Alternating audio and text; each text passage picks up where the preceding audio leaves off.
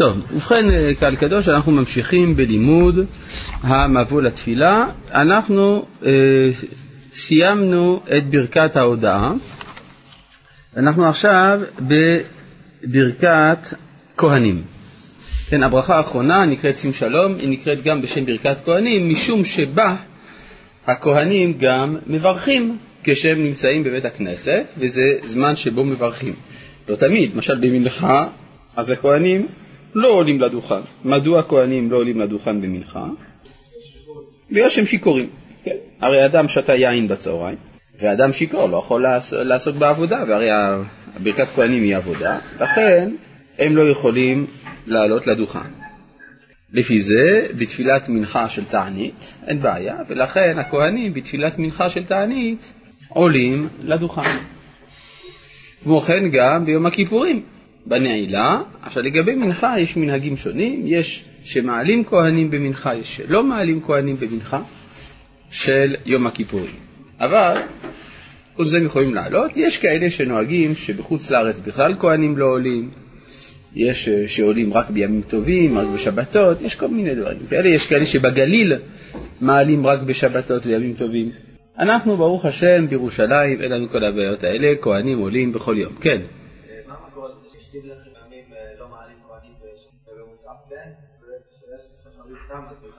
ראית את זה בגליל.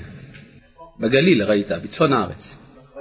כן, בקריות, כן. כלומר, בצפון הארץ זה מנהג החסידים, שכשעלו לארץ החליטו שבגליל, כיוון שזה לא מקום ירושלים, אז אין מספיק שמחה כדי לעלות לדוכן, ולכן לא עולים, כמו שבחוץ לארץ לא עולים. כן, אבל אה, יש טוענים שזה מנהג טעות, הרב שר ישוב כהן, שהוא רב ראשי של חיפה, כן עולה לדוכן בכל יום. כן, ו... בסדר, זה עד היום. הגבול הוא בין חדרה לנתניה. בחדרה עדיין נוהגים את זה, בנתניה כבר לא. כלומר, הגבול של צאן הארץ זה בין חדרה לנתניה. כן. יש לו שאלה בנושא הזה? כן, בבקשה. הייתי בקהילות בחוץ לארץ, גם בקהילות בחוץ לארץ, שהם מתחילים להתפלל מאוד מאוחר, ואז עושים קידוש בין אחרי תחילת התורה לפני מוסף, כן. כדי לא לעבור חצות. אה, נו. אז לכאורה יצא שהם שתו יין ומעלים את הכהנים במוסף. אה, שאלה יפה. ראית בחוץ לארץ כאלה שעושים קידוש לפני מוסף, ובכל זאת מעלים את הכהנים לדוכן. קושייה טובה, קושייה טובה. אני זוכר לפני ארבע שנים בערך, הייתי אה, בקריית ארבע בשבת. אמרתי לעצמי, יש לי שאלה לשאול את הרב דב ליאור, הייתה לי שאלה בהלכה. אמרתי לעצמי, בערך בשעה הזאת יש סיכוי שאני אתפוס אותו, זה בערך זמן סוף התפילה וקרוב לישיבה, אני עברתי שם, בדיוק באמת תפסתי אותו. ושאלתי אותו את השאלה שלי בהלכה והוא ענה לי את התשובה שלו. אחר כך שאלתי אותו, הרי כבודו עשה קידוש, איך ענה לי בהלכה? הרי אסור לרב ששתה יין לענות לשאלות בהלכה, שנאמר ולהורות את בני ישראל, נכון? יין ושחר על תשת ולהורות בני ישראל שאסור להורות אם הוא שתה יין. ענה לי א', כמה יין כבר שתיתי, ב', היין של היום זה לא יין של פעם, וחוץ מזה זה היה מיץ ענבים. בסדר, טוב. אגב, אני, יש לנו פה ברכת הכהנים, שהיא ברכת השלום, כן? כלומר, הברכה האחרונה של... מה אתה רוצה? אה, לא התייחסנו למודים דרבנן, אתה צודק. יש הרי שתי נוסחאות של המודים. יש המודים הרגיל, יש מודים דרבנן, והשאלה היא למה אם החז"ל אומר מודים, גם אני צריך להגיד מודים, הרי לכאורה אומר בשבילי. אלא שההודעה זה הדבר היחיד שאני לא יכול לעשות במקומך. זאת אומרת, אדם צריך להודות מתוך מעמקי ליבו. אז זה לא יעזור שהוא שולח את החזן כדי להודות, גם הוא צריך להודות. לכן הנהיגו לומר את המודים השני במקביל למודים הראשון. זה שתי נוסחאות של המודים. כן, ו... כן, הוא אומר את הנוסח הראשון, כי זה הנוסח הקבוע. עכשיו, אה, יש מקומות שבטעות ראיתי שכשהחזן מגיע לימודים, אז הוא אומר בלחש. אז זה טעות. אם אתם רואים דבר כזה, צריך להגיד לחזן, תגיד בקול רם. הוא ייבהל, אף על פי כן צריך שהוא יגיד בקול רם את המודים, בזמן שאחרים אומרים את המודים השני בלחש. יש גם, אה, אגב, נוסח הגר"א, זה ברוך אתה השם אל ההודעות. כן? הוא אומר זה ברכה, צריך לסיים אותה בשם. כן? למרות שאנחנו לא נוהגים ככה. כן? מה? מי תיקן את הנוסח הזה? אין לי שום מושג. כנראה שהיו נוסחאות שונות של מודים, כמו שיש נוסחאות שונות של ברכות. אני לא יודע מי תיקן את המודים דרבנן. יכול להיות שככה תמיד נהגו בלי שאף אחד יתקן את זה. כן? לא יודע. יש דברים כאלה באומה שמקובלים ואף אחד לא יודע מאיפה זה בא. למשל, זה שאומרים קדושה. איפה זה כתוב בגמרא? תמצא לי איפה כתוב בגמרא שצריך להגיד קדושה. מה? לא כתוב. לא כתוב, וכל עם ישראל אומר קדושה. כתר, נקדישך, נקדש, לא משנה, כולם אומרים קדושה. למרות שלא כתוב בשום מקום, ולא עוד, אלא מה עושים כדי להספיק לקדושה וכולי. כן? הרי יש בחור רווק שנמשך הרבה זמן ברווקותו, אז אומרים לו, רגע, זה לא בסדר, הרי בן 18 לחופה. אז הוא אמר, אני מעריך ב-18. אומרים, כן, אבל אתה מפסיד קדושה. כן. עכשיו, אה, היינו בשמש... אה, בברכת השלום. ברכת השלום, שהיא הברכה הכוללת, היא מתחילה בברכת כהנים, שהיא השלום האידיאלי, כשיש כהנים. יש, אה, לכן הכהנים עולים לדוכן ואומרים את הברכה אשר קידשנו מסותיו וציוונו לברך את עמו ישראל באהבה, יברכך. נכון? ככה עושים, נכון? אומרים, אשר קידשנו במצוותיו וציוונו לברך את עמו ישראל באהבה, יברכך. ואז החזן ממשיך ואומר השם, ואז הם אומרים השם. מה? מה לא? אני רואה שכבודו חולק על מרן. מה שאמרתי, מרן... תבוא לבית כנסת שלי, תראה שאנחנו נאמנים לפסק של מרן. אתה תראה. תבוא, תבוא, אתה תראה, הכהנים עולים, גומרים, אומרים באהבה, ומיד, כדי שלא יהיה הפסק חס וחלילה, אומרים יברכך. וכי הם צריכים לגבי המילה הראשונה שמישהו יקריא להם? ברור, וכיוון שאנחנו קיבלנו הוראות מרן לכל אשר יאמר כי הוא זה, ואין אנחנו זזים ממנו ימין ושמאל אפילו כפסיק, לכן אנחנו אומרים מיד יברכך. כן. ברכה השם, אגב, יש גם דבר חשוב שנהגו, שהוא מנהג מאוד יפה, שבזמן שהחזן מקריא לכהנים, אז אומרים פסוקים המתאימים למילים. כן, כשאומרים יברכך, אז אומרים יברכה השם אה, מציון, נושא שמיים וארץ, וכולי. כלומר, יש אה, סדרה של פסוקים המתאימים לכל מילה ומילה, זה מחזק את הכוונה, זה מעמיק, והראיה שצריך לעשות את זה שזה מודפס בסידורים, בניגוד לדעה שאומרת שצריך למחוק את זה מן הסידורים, שאינני יודע מי מתיר לבטל מנהגים של מאות בשנים. זה רק בדרך אגב, בשביל רבי יוסף חיים. כן. סידור שכתבו שרק בראש השנה... טוב, אתה משועבד למדפיסים, אני מבין. כן, בסדר. כן, כן, מה אתה רוצה? א', למה צריך להקריא להם? למה צריך להקריא להם? כדי שהם לא יתבלבלו. הם מתרגשים. אתה יודע מה זה לברך את עם ישראל? אז מה, הם לא יתבלבלו במילה הראשונה? מילה ראשונה עוד איכשהו, אבל יש שאומרים, אהבה מקלקלת את השורה. כן, האדם מרוב האהבה כבר לא יודע מה להגיד.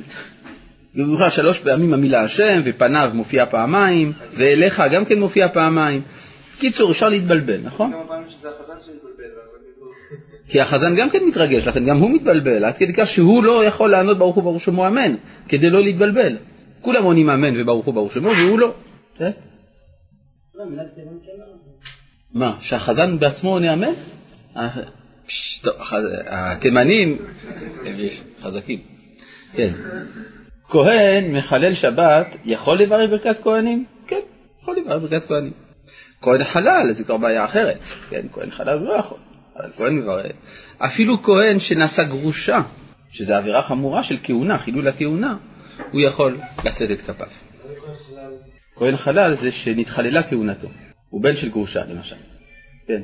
זה מין אה, זכר כמו שנותנים כבוד לכהנים לעלות ראשון לתורה, שעושים עדיין ברכת כהנים? לא, לא, ברכת כהנים זו מצווה מן התורה. איזה מין תירוץ זה השכרות?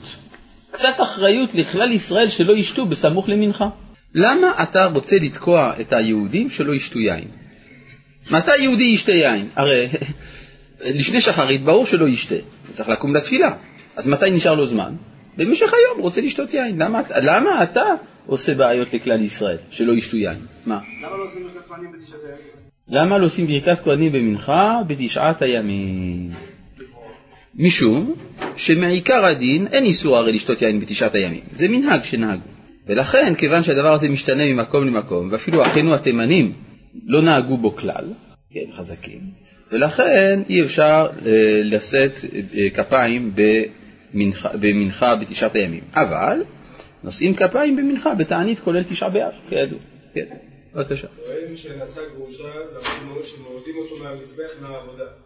איך הרב אומר שכהן שנשא גרושה עולה לברכת כהנים? איך אני אומר שכהן שנשא גרושה עולה לברכת כהנים? אני לא ראיתי שהוא לא עולה. ראית שלא עולה? לשאול לו שואל אני לא יודע, זה משהו אחר. אם אני רב, אני לא זוכר. כן? כן? כן, באמת? לא, לא נותנים לו לעלות לתורה, זה אני יודע. לא לו, לברכת הכהנים. ברכת כהנים גם? יכול להיות שטעיתי אם ככה. לא, צריך לבדוק את זה. לא, אני שואל כי עשיתי היקש, כן. לא יודע, צריך לבדוק. לא יודע. כן. אה, יפה. אתה שואל, האם יש קשר. האם יש קשר בין מצוות אהבת ישראל, ואהבת לרעך כמוך, לבין לברך את עמו ישראל באהבה? ודאי שיש קשר. הרי יש פסוק, ואהבת את השם אלוהיך, הספרי דורש, אהיבהו על בריותיו, כדרך שעשה אברהם אביך.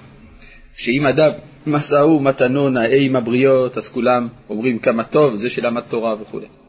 אז יש קשר בין אהבת השם לאהבת הבריות. כן, אז יש אה, מצוות ואהבת, אה, לברך את עמו ישראל באהבה. מאיפה זה לקוח שצריך לברך באהבה? בתורה לא כתוב באהבה, נכון?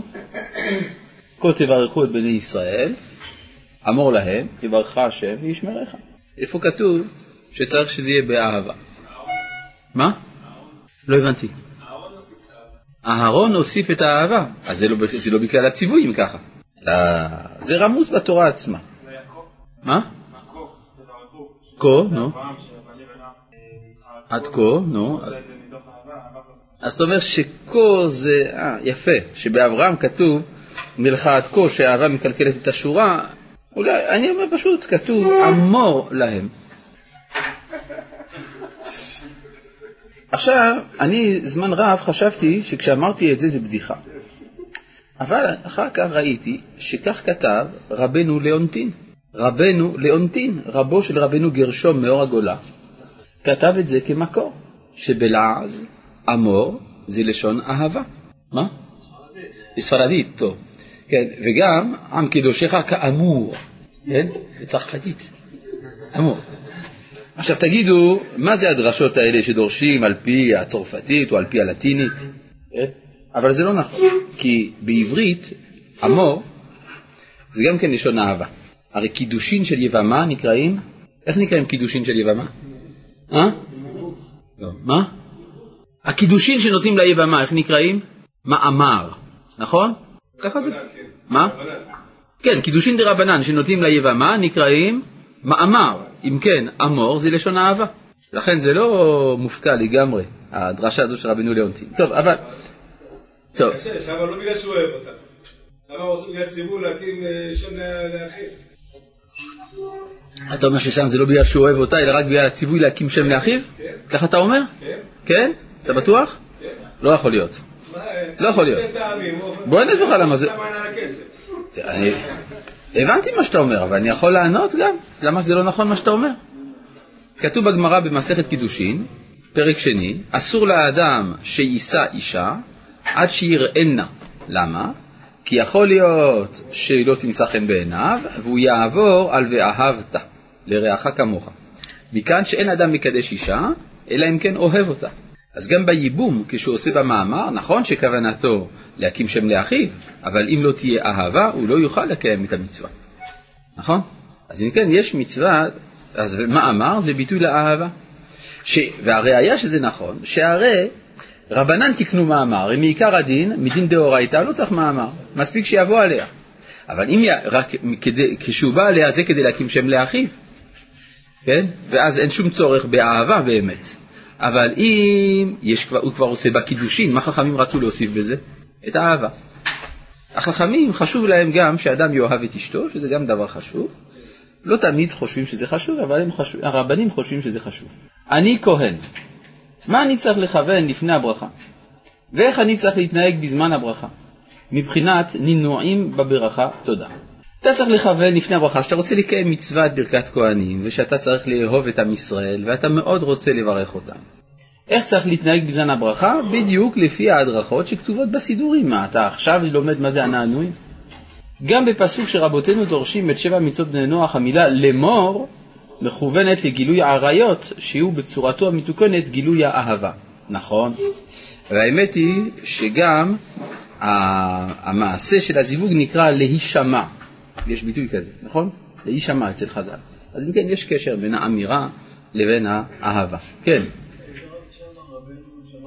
רבנו לאונטין, שהיה רבו של רבנו גרשום מאור הגולה. טוב, אה, זה הוא היה בוורמייזה. כנראה שרבנו לאונטין בא מאיטליה, יש שומרים מהעיר אנקונה, שעל חוף הים האדריאטי, מדרום לרומא. בסדר? אה, אבל הרבה דברים בתחום הזה הם השערות של המחקרים, לא תמיד הדברים ברורים. ובכן, אה, כן.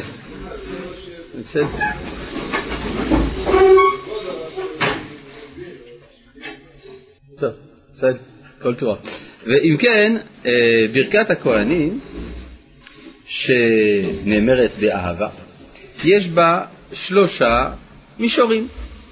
המישור הראשון, ברכה סתם, יברכך השם וישמרך. יברכך השם וישמרך. שימו לב שיש מילה שחסרה פה, זה המילה פניו. הרי בשתי הברכות הנוספות נאמר יאר השם פניו אליך ויחונקה, יישא השם פניו אליך וישמך שלום. במילה הראשונה יש ברכה, אבל אין פנים. יברכך השם וישמרך. למה? מה זה יברכך? שפע של ממון, כסף. שיהיה לך הרבה כסף, זה נקרא יברכך. יהיה לך הרבה אוכל. עוד המבורגר, זה יברכך. כן? זה חומרי. וישמרך מן הגנבים, זה הכל כסף. מה אתה אומר, יש בזה מה? לא. אין בזה פנימיות. למה אתה שואל שאלה כזאת? בוא נראה, למה? מה מפריע לך בפרשנות הזאת? זה הפרשנות של חז"ל, כן? זה לא אני המצאתי. אבל מה מפריע לך בזה? כי אתה לא התרגלת לראות ערך בחומר. לא, אני אומר, בגלל זה לא רשום פניך אולי. זה מה שהתכוונתי להגיד. אה, בגלל זה לא כתוב אתה מתכוון. כן? בגלל זה לא כתוב פניך. כן, כי זה רק חומרי.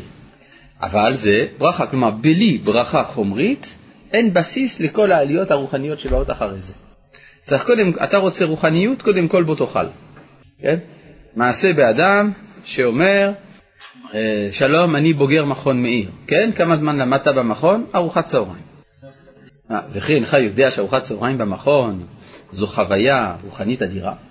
אבל מכיוון שבסופו של דבר זה רק התשתית, לכן לא כתוב פניו, אין גילוי פנים. אבל כן מה שכתוב זה השם, יברך השם וישמרך. כלומר לדעת שהשפע החומרי הוא מאת השם. זה חלק מהאמונה המונותאיסטית. כלומר, אם אתה מונותאיסט, כלומר אתה מקבל שהשם אחד, אז אתה רואה אותו בכל. לכן יש הכרח לעבור דרך התיקון של החומר תחילה. כן. אפשר יאיר השם פניו אליך בלי ה... אתה שואל האם אפשר יאר השם פניו אליך בלי יברכך. זאת שיטה דואליסטית, שאומרת שהחומר הוא לא אלוהי ורק הרוח אלוהי. זה סוג של עבודה זרה. כי עבודה זרה אומרת שהעולם מחולק, יש כמה אלים. אחת מהצורות היותר משוכללות של עבודה זרה זה לומר שיש אל לחומר ואל לרוח. בסדר? החומר מאוד מפריע. עם... גם הרוחניות מאוד מפריע. כלומר, אני שואל אותך, הקדוש ברוך הוא רוחני או חומרי? הוא לא רוחני, חס וחלילה. להגיד על הקדוש ברוך הוא שהוא רוחני זה גם עבודה זרה. וכי הקדוש ברוך הוא רוחני, זה הגשמה, הגשמה רוחנית. אבל הקדוש ברוך הוא מקור החומר כמו שהוא מקור הרוח. ודווקא אם אני רוצה להתעלות מעל ההגשמה, אני צריך להכיר אותו גם בזה וגם בזה. עכשיו, כל גדולי ישראל, אתה אומר, היו עסוקים בחומריות. נכון, אתה צודק. אברהם, היה לו כסף וזהב, כבשים ו- ובקר וכו'. יצחק, ויצחק, ואיך היו אומרים? כן, אתה היה לו אוכל לכולם, ויצחק, גם בטח, כמה כסף היה לו, ויגדל האיש, כי עצמת ממנו מאוד. כתוב, ויזרע יצחק בארץ ההיא וימצא בשנה עם מאה שערים. גם יעקב, תראה, רק את המנחה שהוא שלח ליעקב. כן, אתה צודק, באמת האבות היו אנשים מאוד חומריים, אתה צודק, גם משה רבנו, כן, איך כתוב שמשה רבנו היה עשיר גדול, איפה היה עשיר גדול? הוא נתעשר מן הפסולת של הלוחות, שזה עולה מיליארדים. שלב סופי, אבל אנחנו... זה- זה נראה לי זה... שלב סופי. כלומר, אתה אומר שבהתחלה משה גדל בצריף, לא בבית פרעה. משה לא חיפש את ה... בוא נגיד, אני עכשיו יוצא אתה צריך לחטט. לנסות להרוויח 50 אלף שקל בחודש, ורק אז אני אתחיל להרגיש את המיצוי העצמי, אתה שואל ככה, אם אתה תתחיל קודם כל ב-50 אלף שקל לחודש, רק? לא, בתור התחלה, אתה צנוע. ורק אחרי זה לה- להרגיש דבקות אלוהית. זאת הדרך הנכונה, זה נכון. זאת אומרת שאם אתה נגיד דבק באלוהים מתוך דלדול חומרי, אז זה סימן שאתה דבק באלוהים בגלל שאין לך מה לאכול. זאת אומרת שאם היה לך מה, ל- מה מונח מאחורי דבריך? שאם היה לך מה לאכול, לא היית דבק באלוהים. יש בזה בעיה. אז בעצם הוא בא לומר שהדת זה פיצוי על העניות. ואז יוצא שאתה מאמץ את השיטה של קרל מרקס, שאמר שהדת היא אופיום להמונים, כדי שהם לא, יתעס... לא, לא יהיו בעלי תודעה מעמדית, וזה יעכב את ה... את, המ... את ה... איך קוראים לזה? הדיקט... המהפכה הפרולטרית, את הדיקטטורה של הפרולטריון. כן? אתה מבין מה שאני אומר? לכן גם רבותינו אמרו, אין הנבואה שורה, אלא על חכם, גיבור ועשיר. הנביא חייב להיות עשיר. אם הוא לא עשיר, יש לו עולם כזה צר. אומר הרמב"ם, תגיד, אבל זה היה בזמן הנביאים. נכון, הרמב"ם כותב שדרכם של בעלי דעה, שאדם קודם כל דואג לבנות לו בית, ואחרי זה לפרנסה, ואחרי זה נושא אישה. כך אומר הרמב"ם. אבל דרכם של הטיפשים, שאדם נושא אישה, ואחרי זה דואג לכל השאר שאר הדברים. מה? מתי לומדים תורה? שואל הרמב"ם, עד מתי חייב אדם ללמוד תורה? מה התשובה? עד יום מותו. אין יום בחיים שאתה פטור מלימוד תורה. משעה שאתה ילד קטן, עד יום מותך, אינשאללה כמה שיותר מאוחר, ואתה לומד תורה, כל רגע ורגע. עד דקה לפני מותך, אתה עדיין עוסק בלימוד תורה. גם בבין הזמנים לומדים תורה, כן. מה? אסור לתת שיעורים בבין הזמנים, אבל ללמוד תורה ודאי שחייבים. כן, מה אתה אומר? אבל לכאורה הוא התחיל בגידול ההפוך, הוא התחיל בגידול החומרי, וזה דווקא כשהוא היה עני לחלוטין שהוא קיבל את הנבואה. מי? איוב. איוב קיבל את הנבואה דווקא מתוך מצב רע. ובהתחלה הוא התחיל בגידול אה, עשירות חומרית, כלומר, היה עשיר מאוד, ושם הוא לא התנבא. זה לא עזר לו כל כך. צודק, צודק. אבל אז זה קשה על חז"ל, שחז"ל אמרו שאינה נבואה שורה, אלא על עשיר, נכון? אז כנראה שגם לאיוב היה עדיין חשבון בשוויץ. כן. שאלה, לא הבנתי למה הקדוש ברוך הוא לא רוח. תשובה, כי הרוח זה חלק מן היש, והקדוש ברוך הוא ברא את היש, ולכן אתה לא יכול להגדיר את הקדוש ברוך הוא בתור יש. כי אם אתה מגדיר אותו בתור יש, אתה נתת לו הגדרה, אתה הקטנת אותו, נתת לו את המידה של הנברא. מובן? כן, בבקשה. אתה צודק. כלומר, אין עניות אלא בדעת. וייתכן זה מסביר את השלב הראשון, למה איוב לא היה נביא כשהוא היה עשיר, כי הוא היה עני בדעת. זה יכול להיות.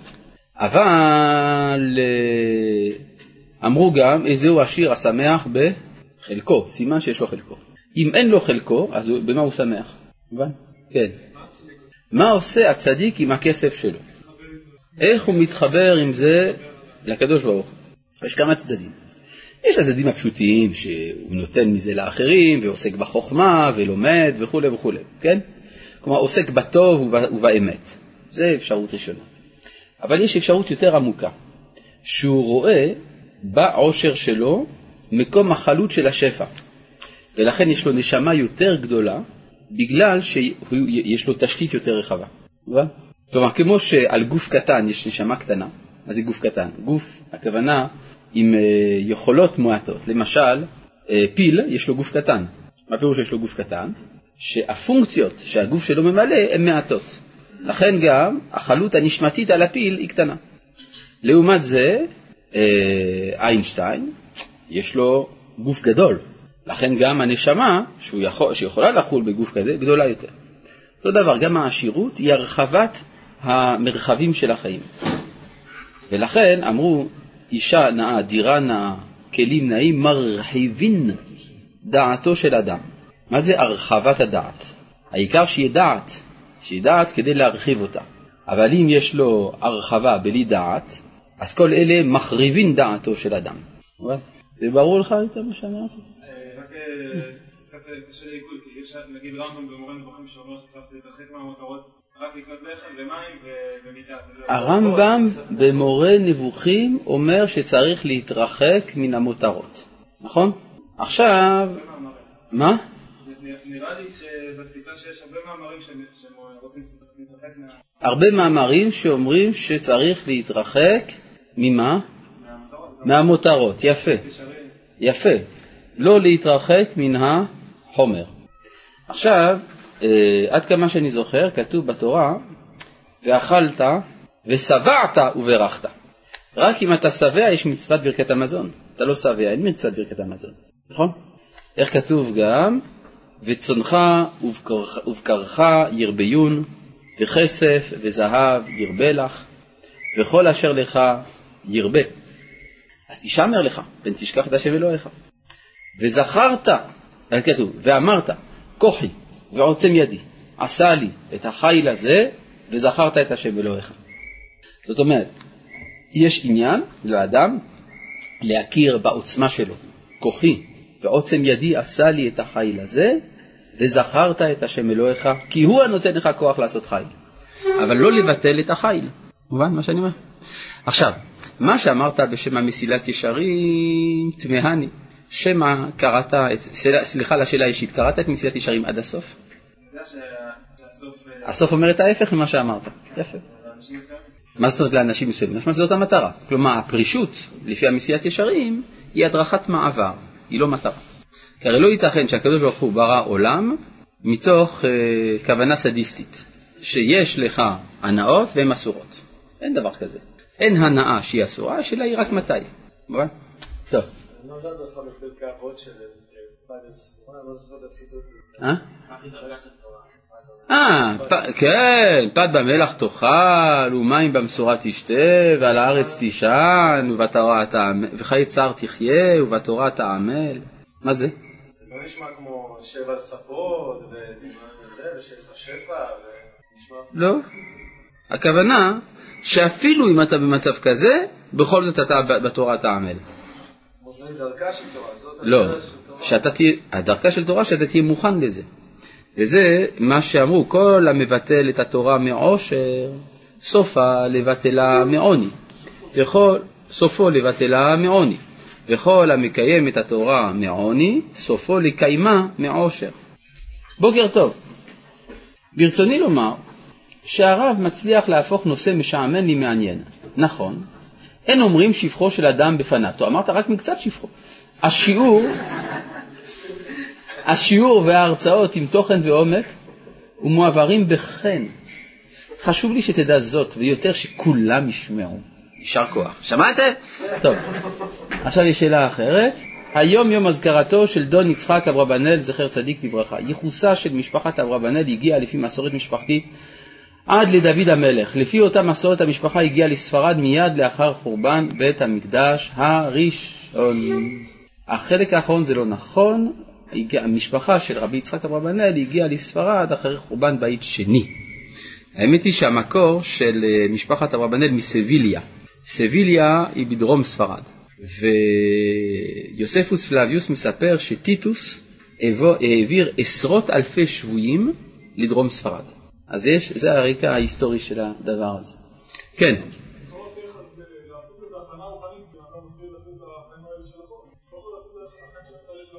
אתה צודק. צריך הכנה רוחנית לפני היציאה אל החיים של החומר. מסכים. בגלל זה אנחנו פה לומדים. שמת לב? במקום לעשות מיליונים, אנחנו יושבים ושומעים הרצאה, המועברת בחן אגב. כן? כן. מה אתה אומר? או ש- כן.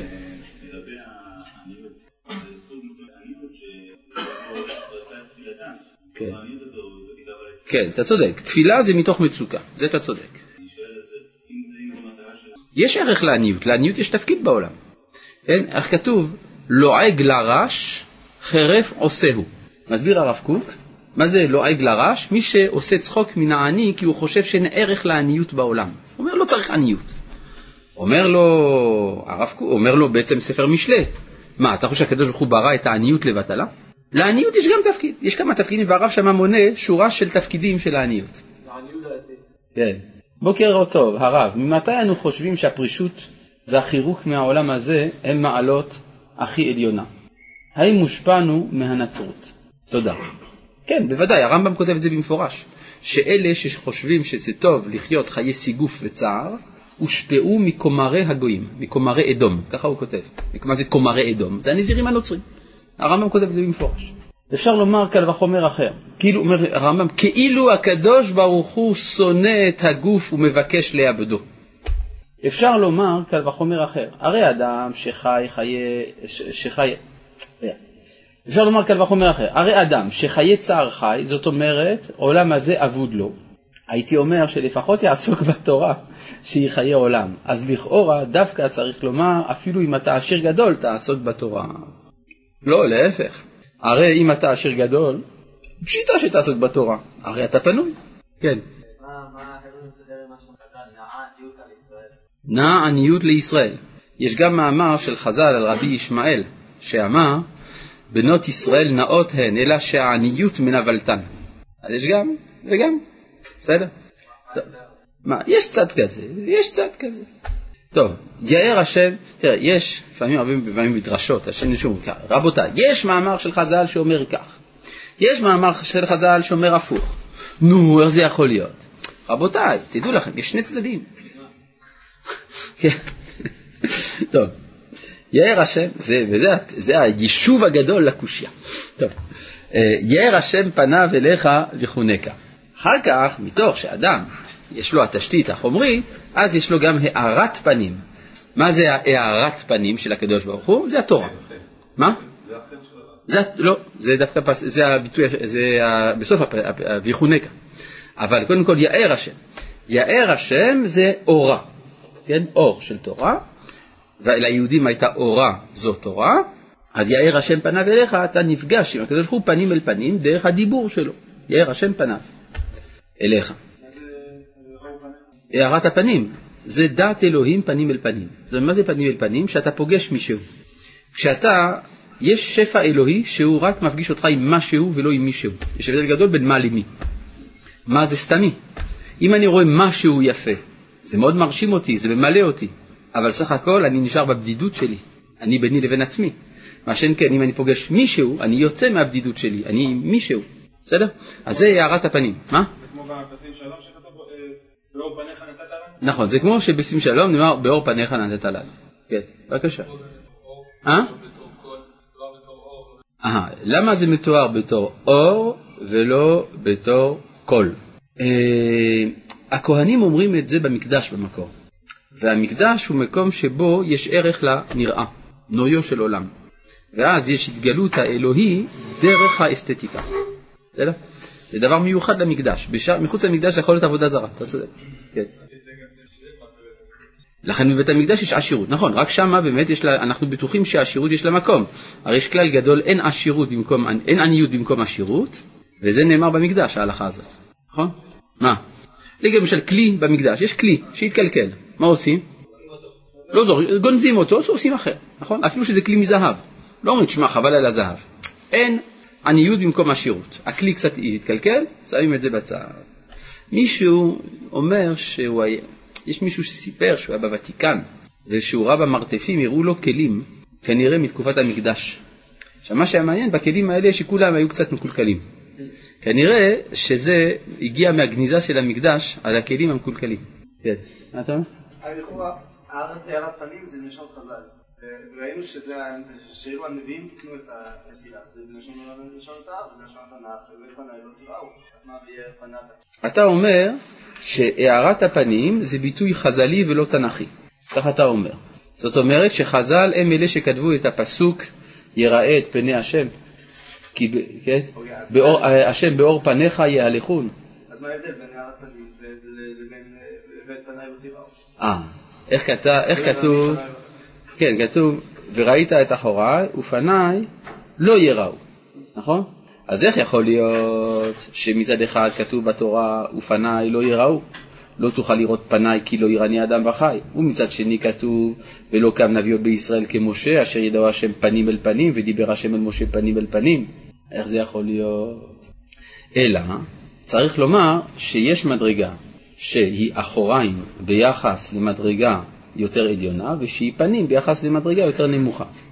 וכפי שכתב רבי יהודה הלוי, וכנה, וכמה פנים לפנים הנוראים, וכמה אחוריים לאחוריים הנראים. נכון ככה הוא כתב? בקדושה של שחרית של יום הכיפורים. ובכן, נקדישך מלך, נכון? ובכן, ולך תעלה קדושה כי אתה אלוהינו.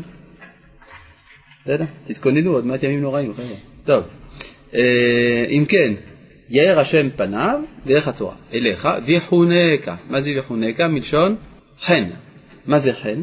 חן זה משהו שבא חינם, לא מגיע לך. כן, חנינה. חנינה. לפי הדין, לפי המשפט, מגיע לך כך וכך. אבל אתה קיבלת חנינה.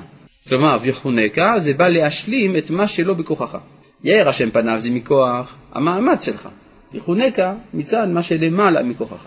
יישא השם פניו אליך, ויעשה, כן. חן זה ההפך של יופי. כן, כלומר, זה, זה, לא שלא, זה לא שלא מגיע בכלל, לא מגיע על פי המעשים, אבל מגיע על פי הזהות. כן, כלומר, יש בתפיסה... מה? זה, זה לא באמת יופי. כן, חז"ל אמרו, איך יודעים שאסתר לא הייתה יפה? שנאמר, ותהיה אסתר נושאת חן. נכון? וגם כתוב בספר משלי במפורש, נכון? שקר החן. מה? כן, ודאי. כן, החן זה מראה שאין יופי. אבל, איך אמר נתן אלתרמן, בכל זאת, יש בה משהו. זאת אומרת, אף על פי שאובייקטיבית זה לא יפה, אבל יש שם משהו, זה נקרא החן. כלומר, התפיסה השטחית אומרת שאו שאתה זוכה במעשים, או שאתה זוכה, או שאתה זוכה בחינם. אבל, זהו, אבל לפי התורה יש מדרגה אמצעית. אתה לא זוכה על פי המעשים, אבל זוכה על פי הזהות הפנימית. האם מידת הפרישות הינה מעבר הכרחי להשגת מדרגת הקדושה, או שמא אפשר לדלג הישר אל עבר המטרה הסופית, ואם לאו, האח יפרוש אדם מחיי העולם הזה ויודעו שהשם הוא מקור הכל? תשובה, יש מדרגות של, של גודל המעבר הזה.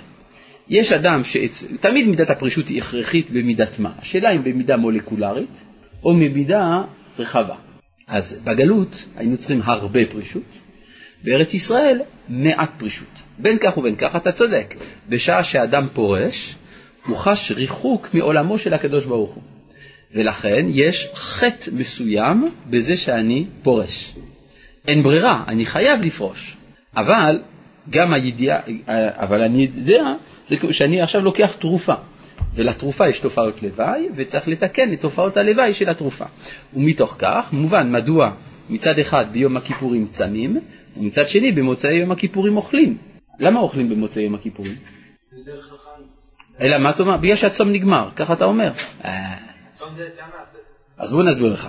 קודם כל אתה לא צודק, כי כל מי שעושה יום, צום של יום הכיפורים יודע שבסוף יום הכיפורים לא רעבים.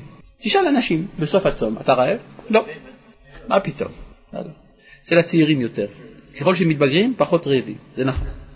אבל אה, באמת לא כל כך רעבים. דבר נוסף, אם זה כך, אז תפתח קופסת שימורים, טונה, תשים על לחם ותאכל. אבל לא כך נאמר בהלכה, ההלכה אומרת שזו סעודת מצווה. מה?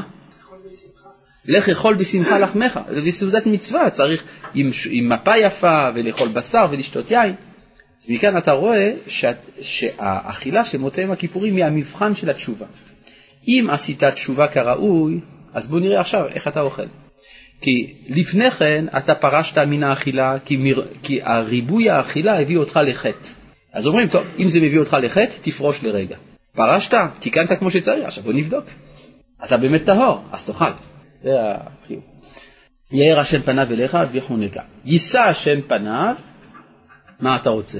לפי ההסבר של הרב לגבי החטא, גבר אומר לבחורה מצאת חטא בעיניי, הוא עשה לה טובה. נכון, נכון. נכון, אתה צודק. כלומר, אם גבר אומר לאישה, את מוצאת חן בעיניי, אז זה סימן שקצת עשה לה טובה. זה הרי יש uh, מחלוקת בית הלל ובית שמאי, כיצד מרקדין לפני הכלה, נכון? שבית שמאי אומרים כלה כמות שהיא, כלומר אסור להגיד על הכלה יותר ממה שהיא באמת. מה שאין כן אה, בית הלל שאומרים כלה נאה וחסודה. לכאורה, אם היא לא נאה, זה שקר. איך אפשר להגיד כלה נאה וחסודה אם הכלה לא נאה? אז מעגלים פינות, כן, מפני השלום, זה הרי, כן, יפה ויפה, כן. אבל בית שמאי לא רוצים לשקר. אבל בגמרא, בירושלמי כתוב ש, שבית שמאי אמרו, שאומרים יעלת חן בעיני חתן. זאת אומרת, בשביל החתן היא מוצאת חן, לא שהיא יפה. כן? בסדר. עכשיו, מה? כתוב שקר החן והבל היופי. יוצא לפי זה שהחן מוגדר כשקר. כלומר, זה באמת לא יפה, אבל מוצא חן. שקר החן. על, ה- על היופי לא אמרו שהוא שקר, רק שהוא הבל. מה זה הבל? הוא תוצאה. כן, ההבל זה מה ש... זה ההבל היוצא מן הפה, ההבל שיוצא מן הסיר. כן? כלומר, ההבל זה התולדה של מה שיש בפנים. מצד עצמו אין בו כלום, אבל הוא תולדה של משהו. אז היופי הוא גילוי של משהו פנימי. הבל היופי. ולמה החן זה שקר? זה הגדרה שלו, זה מלשון חינם, מלשון חנינה. אה, מה זה הבל הבלים אמר קהלת? זה פסוק בקהלת, כן. מה? לפי הפירוש הזה. האם אתה חושב שזה מוצדק שאני אתייחס לזה עכשיו? לדעתי לא. טוב. הרב קוק אומר שירד השם מתעלל, אומר בהם. כן, אבל זה פירוש לפסוק ההוא במשלי, נכון? ולכן לדעתי זה לא מוצדק שנתייחס לזה, כי אנחנו רוצים להתקדם בלימוד. התייחסתי כל, מש... כל הזמן שבא לי. כלומר, אני, מותר לי להביא דברים אה, צדדיים להבהיר את הנושא, אבל אני לא מעוניין להרחיב מעבר לנדרש לביאור הנושא. יישא השם, אל תיפגע לי, אני עשיתי, גם לא עשיתי את זה. בסדר, אוקיי, טוב. אה, יישא השם פניו אליך וישם לך שלום. מה זה? הרב חיים דרוקמן שליטא אומר בצאת יום הכיפורים, עד עכשיו הייתם מלאכים, כעת באוכל תהיו לפחות בני אדם. בני אדם זה יותר ממלאכים. מה זה לפחות? הלוואי. טוב, אה, יישא השם פניו אליך וישם לך שלום. יש לכאורה משוא פנים. מה זה משוא פנים? זה מעבר למגיע, מעבר למידה. כן? עכשיו, על הקדוש ברוך הוא נאמר, אשר לא יישא פנים ולא ייקח שוחד. אז איך כתוב יישא השם פניו אליך? כתוב בגמרא, ביומן נדמה לי, שהמלאכים שואלים את הקדוש ברוך הוא, אתה שנאמר עליך אשר לא יישא פנים, איך אתה נושא פנים לישראל שאמרת יישא השם פניו? אגב, פשט של הביטוי לשאת פנים, הכוונה להסיר את הכעס. כן, המילה פנים בתורה יש לה משמעות לפעמים של כעס. ונתתי פניי באיש ההוא. או למשל, אה, פני השם בעושה רע. אז אה, ויעבור השם על פניו, שהוא כבש את כעסו. כך אומרת הגמרא. ויעבור השם על פניו. אז יישא השם פניו אליך, כלומר שיסיר ממך את כעסו, וישם לך שלום. עכשיו, אז בכל זאת, אשר לא יישא פנים, שהקדוש ברוך הוא הולך לפי הצדק ולא מעביר את כעסו סתם. אז הקדוש ברוך הוא עונה למלאכים, איך לא אשא פנים לישראל? שאני אמרתי, ושבעת וברכת, שרק אם יש שביעה אתה מברך. והם החמירו על עצמם בכזית וכביצה, מחלוקת תנאים, האם על כזית עושים ברכת המזון, על כביצה עושים ברכת המזון. מחלוקת, מה זה שיעור שביעה? מה זה כזית? ככה, פיצי. אף על פי כן, האדם אכל את זה, נקרא שבע, ככה חכמים החמירו. כן? אז אם כן, ודאי שצריך לשאת פנים לישראל. נשאלת השאלה, מה זה הסיפור הזה? הרי שיעורין הלכה למשה מסיני. אז זה שאנחנו אומרים על קבצה צריך לברך ברכת המזון, דאורייתא, זה בגלל שכך קיבלנו במסורת. אבל השאלה היא למה קיבלנו כזאת מסורת? לא היינו מקבלים כזאת מסורת אלמלא שהטבע של האומה הוא כזה. זאת אומרת שיש לעם ישראל מעלה על פני אומות העולם בזה שאנחנו באים לידי מגע עם העולם של הקדושה. והעולם של הקדושה איננו נמדד לפי קריטריונים טבעיים של שביעה, אלא לפי שיעורים אבסולוטיים של כזית וחביצה. לכן, אה, מה שכתוב, מגיד דבריו ליעקב, חוקיו ומשפטיו לישראל, לא עשה כן לכל גוי, ומשפטים בל ידעום, אה, מה הכוונה שהגויים לא יודעים את ההלכות? הרי גם להם יש הלכות.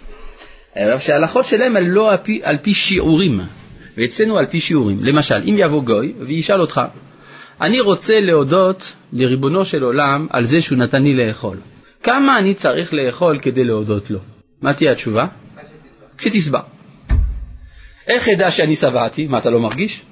אתה שבע, תברך. לא שבע, אל תברך. כן, מה שאין כן בישראל, שזה על פי מידת השיעורין, ועל זה מגיע לנו משוא פנים. יישא השם פניו אליך, ומה? זה שאני, אם לא שבע לא מברך, אם אכלתי כדי שיעור שביעה, דהיינו כביצה, אני מברך, מדאורייתא. ככה ההלכה בישראל, לא אצל אומות העולם. זה חסידות מובנית בנו, זה הכוונה, בטבע שלנו. וישם לך שלום. מה זה שלום? שלם. שלם. שלום זה שלם. כן? כלומר שלא חסר דבר, זה נקרא שלום. ונתתי, ונתתי שלום בארץ, ושכבתם ואין מחרים. אז מה זה כשנותנים חתיכות של ארץ ישראל? זה לא שלום, זה כניעה, כן? אפשר להגיד לעשות מה שנקרא חוזה כניעה, לחתום על חוזה כניעה. אבל אל תקרא לזה שלום, זה לעג לרש. זה כמו שאדם, יש לו אוכל מקולקל, הוא אומר זה טעים. לא, תגיד אין לי ברירה, אני אוכל את האוכל המקולקל, כי אם לא אני אמות ברעב. אבל תגיד שזה טעים, כן? אז כמו כן גם, שלום, הכוונה שאתה שלם, כן. יש עניין בשלוש, חמש, שבע? יש עניין בשלוש, חמש, שבע, כן, בוודאי. כן, זה מדרגות של חלות הקדושה. זה מדרגות, כן? יש לך שלושה אבות, עם משה ואהרון, חמש. שבעה אושפיזין, שבע. זה מדרגות של הקודש. לפי הקבלה זה יותר מובן, לפי הספירות. אה, ברכן, ועל זה ברא ברכת השלום, שהיא מסיימת את כל תפילת שמונה עשרה.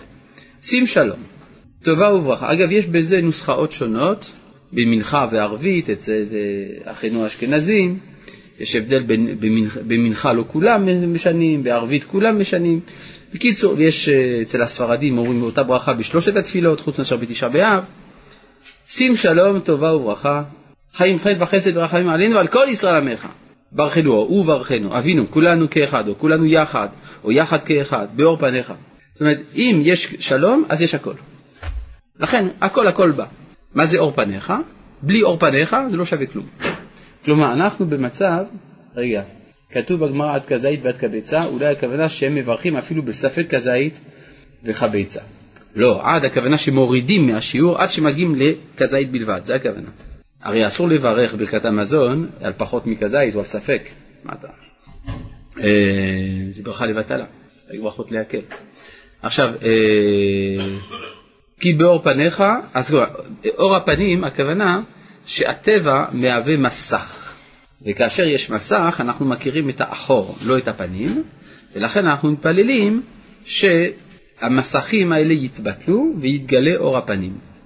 כי באור פניך נתת לנו השם אלוהינו, תורת חיים ואהבת חסד, יש גורסים תורה, ספרדים אומרים תורה וחיים, אהבה וחסד, וצדקה וברכה ורחמים וחיים שלום, וטוב יהיה בעיניך לברכנו ולברך את כל עמך ישראל בכל עת ובכל שעה בשלומך, יש מוסיפים ברוב עוז ושלום, ברוך אתה השם המברך את עמו ישראל בשלום, אמן.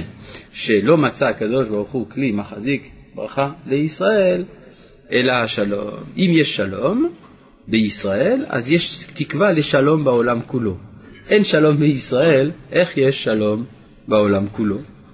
על שלושה דברים העולם עומד, על הדין ועל האמת ועל השלום. נכון? נאמר בסוף פרק א' של מסכת אבות. או יש קורסים מהדברים העולם קיים, על הדין, על האמת ועל השלום. בלי שלום העולם לא יכול לעמוד. יש ביטוי כזה, פסימי מאוד, שאמר אותו דודו פישר וגם אנריקו מסיאס. עושה שלום במרומיו. זה גם חדר לתפילה אחר כך. כן? עושה שלום במרומיו הוא יעשה שלום עלינו. עכשיו, אם תשימו לב, זה נורא מה שהמשפט הזה אומר. זאת אומרת, זה פסימי, זה אומר שאנחנו לא מסוגלים לעשות שלום. אבל יש מי שעושה שלום ממרומיו, אז אם יש שלום בעולם הזה, זה סימן שהוא חדר לעולמנו. הוא יעשה, אז אם אתה רואה שהצליחו לעשות שלום, יש כבר כלי לשכינה בעולם הזה. מצאנו את זה באבותינו הקדושים, השבטים, שהיו ולא יכלו דברו לשלום, אומר רש"י, מתוך גנותם אתה שומע שבחן, שלא דיברו אחד בפה ואחד בלב. כלומר, אל תטייח, שלום לא בא מתוך טיוח ההבדלים, אלא צריך לדעת קודם כל במה אנחנו לא מסכימים. אם אחרי אי ההסכמה שלנו נוכל להגיע להתאחדות, לסינתזה פנימית של הדעות, כמו שקרה בין יוסף ואחיו, אז זה סימן שזה שלום באמת, וזה, וזה סימן שהעושה שלום ממרומיו, הוא עושה כבר שלום עלינו ועל כל ישראל ואמרו אמן. והתפילה מסתיימת ביהיו לרצון אמרי פי והגיון ליבי לפניך השם צורי וגואלי, תקנה של רבי יוחנן, על פי פסוק שנמצא אחרי פרק י"ט בספר תהילים, כיוון שהסתיימו י"ט ברכות, אז זה גם המקום של אמירת הפסוק הזה. מה זה יהיו לרצונים רפי? מה שאני אמרתי. והגיון ליבי, מה שאני לא אמרתי. יום טוב רבנו שליטה. אנחנו קבוצה שמאזינים לרב בשקיקה רבה. ויש לנו המון... אה, אה, הלו, סגרת את השאלה. אה, קראתי רק חצי בשאלה, מה? טוב, מה נעשה? כן, כתוב שזה מיפן, אני לא יודע אם זה נכון, אבל uh, בסדר. אבל uh, לא זכיתי לשמוע את השאלה. לא מברכים בקטע מזון בספק שיעור, ספק דאורייתא. טוב, יש לדון על זה. Uh, אבל לגבי השאלה הקודמת שנמחקה, אולי נמחקה בשיקול דעת, אני לא יודע, אני אשאל למטה למה הם מחקו. כל טוב. אנחנו, אה, התבקשתי, מישהו ביקש, האם תוכל לתת גם שיעור על הקדיש ועל ברכות אה, קריאת שמע וכולי. התשובה שהייתי רוצה, אבל סיימנו את הזמן קיץ, ובזמן אלול בעזרת השם נעסוק בנושאים אחרים. אה, יחזירו. יום טוב רבינו שליטה, אנחנו קבוצה שמאזינים לרב בשקק רבה ויש לנו המון זמן ללמוד ורוצים אנו שיעורים של הרב ביהושע, שמואל, מלכים ונביאים. אין מספיק מדברי הרב. אתה יודע מה? אני אשקול. כל טוב.